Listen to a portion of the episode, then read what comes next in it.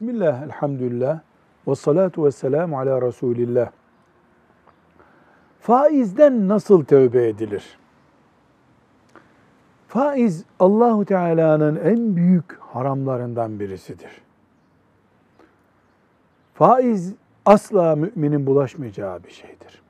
Ama oldu bir hatadır, bulaştı.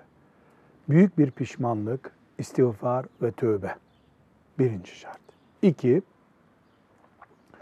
elde faizden kaynaklanan bir kar varsa o bir vakfa, bir fakire verilecek.